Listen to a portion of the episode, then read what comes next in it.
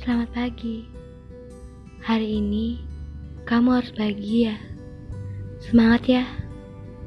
Jangan lupa senyum. Karena senyum itu ibadah.